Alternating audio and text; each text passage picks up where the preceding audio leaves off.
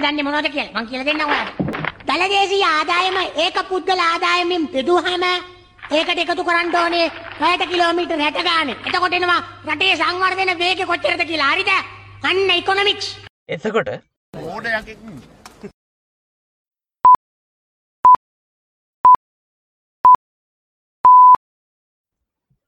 අයිබවන් අද දෙදා සිසියකේ දෙසම්බර විසි දෙවනිද රට කරන හැඩි පොඩ්කාස්ට් එකේ හැත්ත අටනි කොට සත් එක ඇතන හැමෝම වෙනදවාගේම අදත් ආදර පිළිගන්න ඒවාගේම තමයි පොඩ්කාස්ට් එක හැත්ත හත්තනි කොට සත් එක එකතුරු අපිත් එක් අදහස් බෙදාගත් හැමෝටමත් ගොඩක් ස්තුති කියලා කියන්න ඕනේ. පහුකිය මාසයක වගේ කාලය ඇතුළත පාර්ලිමේන්තුව රැස් වුණා දෙදස් විස්සි දෙක අවුරුද්ධ සඳහා අයවැය විවාද කරන්න. ඉතිං ඒ විවාදය වෙලාවෙදි කතානායකවරයාගේ යම් යම් හැසිරීම් සහ ඊට අයව විවාදයට කලින් තිබුණු පාර්ලිමෙන්තු රැස්වීම් වල කතානායකවරයාගේ හැසිරීම් මුල් කරගෙන පාර්ලිමෙන්තු ඇතුළේ ටිකක් මත බේධාත්මක තත්ත්වයක් ඇති වුණ. ඉතින් ඒක හන්ද අද පොඩ්කාස්ටකින් අපි කතා කරන්න හිතුව කතානායකවරයා ගැන සහ එයාගේ වගකීම් ගැන එයා වැඩ කරන්න ඕනේ මොන විදිහටද කියන කාරණාව ගැන. ඒ වගේම තමයි අපි දැන් ගිය සතිය තිබුණු ගිය මාසේ වගේ කාල ඇතුළත් තිබුණ අයවැය ගැන අයවැය කතාව ගැන අපේ තිබුණු අදහස මිට කලින් පොඩ්කාස්ට එපිසෝඩ් එකක රෙකෝඩ් කලා ඒ පිසෝඩ් එක ලිංක එක අපි ඩිස්ක්‍රපෂන් එක දාන්නම්. කැමතියට හිල්ල ඒක බලන්ඩ පුළුව ඉතිං එහෙම නං ඒ විදිහට අද අපි අපේ මාතෘකාවට අවත් හෙම මුලින්ම අපි බලන්න ඕනේ මේ කත්තානායකවරයා කියන තනතුර ගැන සහහි තන්නතුර ඉතිහාසක ලෝකේ පලවෙනි කතානායකවරයා හැටියට වාර්තා වෙන්නේ එංගලන්ත පාර්ලිමේන්තුවේ කතානායකවරයා වුණු තෝමස්ටි හංස්ෆඩ් මෙයා ඒ තනතුරේ වැඩ පටන්ගන්නේ එක්දස් තුන්සිය හැත්ත හතේ එතකොට එයාගේ වගකීම වුණේ එංගලන්තේ හවස් of කොමන්සල ඒගැන්නේ පහළ මන්ත්‍රී මණ්ඩලේ මන්ත්‍රීවරුවෙනුවෙන් පෙනී ඉන්න එක. එතකොට පාර්ලිමේන්තුව ජනතාව වෙනුවෙන් ගන්න තීරණ රජ්ජුරුවන්ට හෝ රැජිනට ඉදිරිපත් කරන එක තමයි මේ කතානායකවරයාගේ ප්‍රධාන වගේමුණ එතකොට එයා තමයි පාර්ලිමෙන්තු නියෝජනය කරන ප්‍රධාන පුද්ගලයවුණ ඉතිං ඒකත් එක්ක මේ තනතුර බොහොම භයානක රැකියාවක් වුණා. මොකද ප්‍රජ්ජුරු හෝ රැජින හෝ මේ කවුහරි බලඉන්න පුද්ගලයා පාර්ලිමේන්තු විසින් ගන්න තීරණවලට කැමති නැත්තං සමහරක අවස්ථාල්වල ඒ කතානායකරයට මරණ දණ්ඩනය ලබා දීලා තියෙනවා. එහෙම නැත්තං හිරේදාල්ල තියෙන මේ වගේ ටිකක් අවධානමක් තියෙන තනතුරක් තමයි මේ කතානායක තනතුර කියලා කියන්නේ. ඉතිං ඒක මුල් කරගෙන එංගලන්ත බ්‍රිතාන්‍ය පාර්ලිමේන්තුවේ සහ වෙස් මිනිස්ට ක්‍රමේ තියෙන අනිත් පාර්ලිමේන්තුවල කතානායක තනතුර ගොඩක් වගකීම් තියෙන තනතුරක් කියල සලකන ඉතිං පොඩි සම්ප්‍රදායකුත් තියෙන කතානායකරයා පත් කරගන්නකොට ප්‍රධාන පක්ෂ දෙකේ කවුරහරි දෙන්නෙක් ඇවිල්ලා බලෙන් ඒ කතානායක තනතුරට පත් කරගත්තු පුද්ගල පුටුවට ඇදගෙන යනාවගේ අද වෙනකොට මේ මේ වර්තමාන කාලේ එහෙම රංගපෑමක් කරනොමකද මේ දස්සලෙම කතානාය කලාව හිරේදාන්නේ නැති නිසා. කොහොම නමුත් ඒ පාර්ලිමේන්තුව නියෝජනය කරන පුද්ගලය නිසා ගොඩක් රටවල්වල තුන්වැනියට හෝ හතරණයට බලවත්ම පුද්ගල වෙන්නේ ඒ රටේ කතානාය කරයා. එයාට තියෙන වගකීම් ප්‍රමාණය ඒ තරමටම විශාලයි. කද රටක ව්‍යස්ථාදායකය කියල කියන්නේ ඒ රටේ නීති සම්පාධනය කරන තැන ලංකාවේ අවස්ථාදායක වෙන්න පාර්ලිමේන්තුව තකොට ඒ පාර්ලිමේන්තුව තුළේ කතා කරන්න කවුද ඒ කතා කරන පුද්ගලයා කොච්චරක් වෙලා කතා කරනවද? හන්ඩ ලැබෙන ප්‍රශ්නමකක් දේවා ඒ ඇජෙන්ඩ එක මොකක්ද කියලා තීරණය කරන්නේ මූලික වශයෙන්ම කතානාය කර එතකොට එයාට ඔන්නම් පුළුවන් වැදගත් කාරණයක් සංවාදයට ගණ්ඩ හෙම නැත්තං එයා අකමැතිනම් ඒ කරුණ සංවාදයට නොගෙනින්ඩත් කතානායකරයට හැකියාවක් තියෙනවා. තිං ඒ හන්දා කතානායකරයා මධ්‍යස්ථ පුද්ගලෙක් වන එක ගොඩක් වැදගත්. හෙම නැත්තං සිද්ධ වෙන්නේ ආණ්ඩුවට අවශ්‍ය නිදියට පාර්ලිමේන්තුව වැඩකටයුතුටික සිද්ධෙනවා ප්‍රජාතන්ත්‍රවාදයක් පාර්ලිමේන්තු ඇතුළේ නියෝජනය වෙන්නේ නැහැ. ඉතින් ඒ ඇතින් බැලුහාම යම් යම් අඩුපාඩු තිබුණත් මීට කලින් අපිට ඉඳපු කතානායකරු දෙන්න එකන්න චමල් රාජපක්ෂ සහකරු ජයසූරිය යම්තාක් දුරකට හරි හොඳින් තමන්ගේ වගකීම් ඉෂ්ට කරලා තියෙනවා කියලා අපි හිතනවා. ඉකැන්න එකොල්ලන් දේශපාලනිකව ගත්ත තීරණවත් එගොල්ලොන්ගේ දේශපාලනික තනතුරු හරහා එගොල්ලෝ ඒ දෙන්න ලබාගත්ත වාසි ගැනවත් නෙවෙයි අපි කියන්නේ. කතානායක තන්නතුරේ එකොල්ලො කරපු වගකීම ගැන විතරයි මේ කියන්නේ.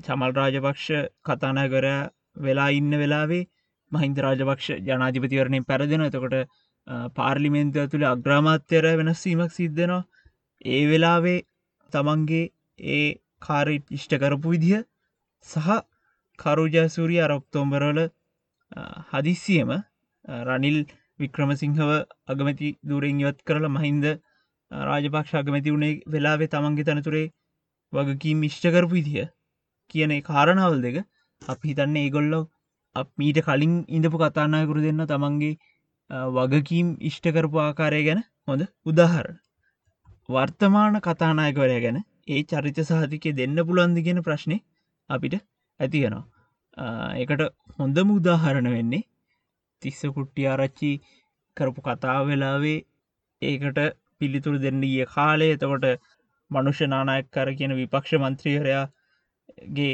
සිද්ධිය ඒ වගේම රංජන් රාමණයකයි චොකාමල්ලි කියනේ පාර්ලිමෙන්ත් මන්ත්‍රියවරු දෙන්නගේ මන්ත්‍රීදූර සම්බන්ධ සිද්ධියදී කතානායකවරයා ඒ මන්ත්‍රීවරුන්ගේ අයිති නියෝජනය කරන මනුස්සය හැටියට පුද්ගල හැටියට අනුගමනය කරන දෙබිඩි පිළිවෙත ඊට පස්සේ කතානායකවරයාගේ කාර්ය මණ්ඩලයට තමන්ගේම ඥාතිීන් පත්කරගන්න එක.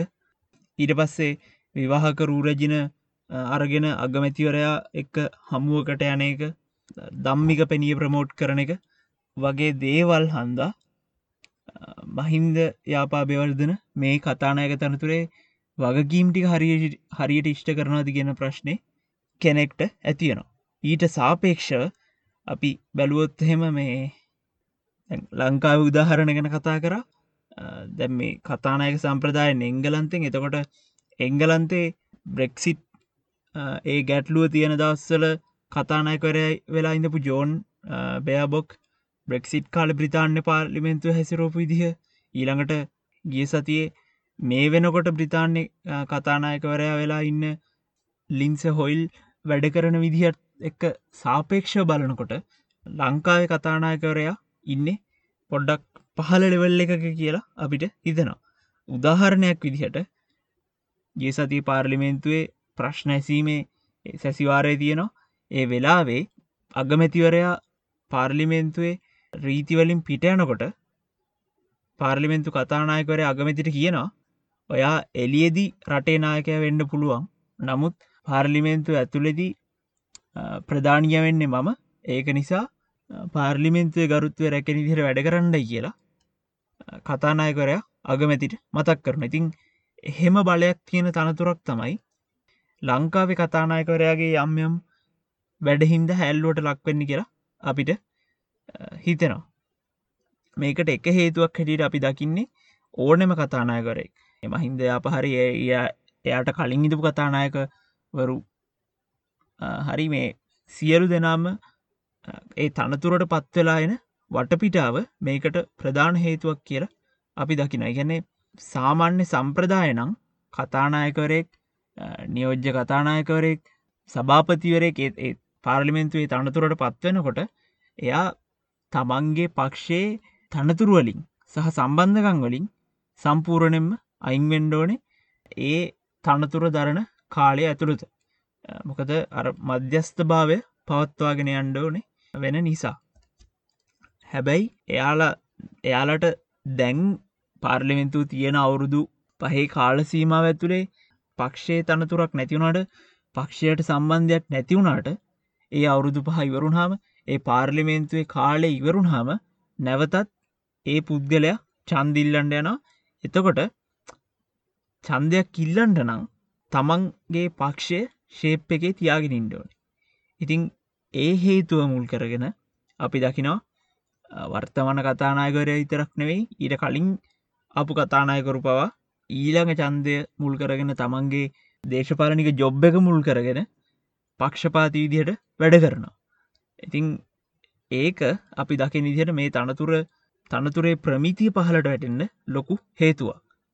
සමහර විට අපිට හිතනවා මේ මේ තියෙන අඩුපාඩුව විසිඳගණ්ඩ පුළුවන් වෙයි කියලා පාර්ලිමේන්තු ලේකම් වගේ කෙනෙක් කතානායක තනතුරක් දරුණයි ගැන්නේ මන්ත්‍රීවරු අතරෙන් චන්දයෙන් එෙන පුද්ගලෙක් මේ තනතුරට තෝරගන්න නැතුව රාජ්‍ය නිලධාරියෙක්ට සමාන කෙනෙක් කතානායක දූරයක් දැරුවන කතානයක් දුරට සමාන තනතුරක් දැරුවන අර දේශපාලනික සම්බන්ධකම් කියන ප්‍රශ්නය යම්තාක් දුරකට අඩු කරගන්න පුළුවන් කියලා අපිට හිතෙනවා.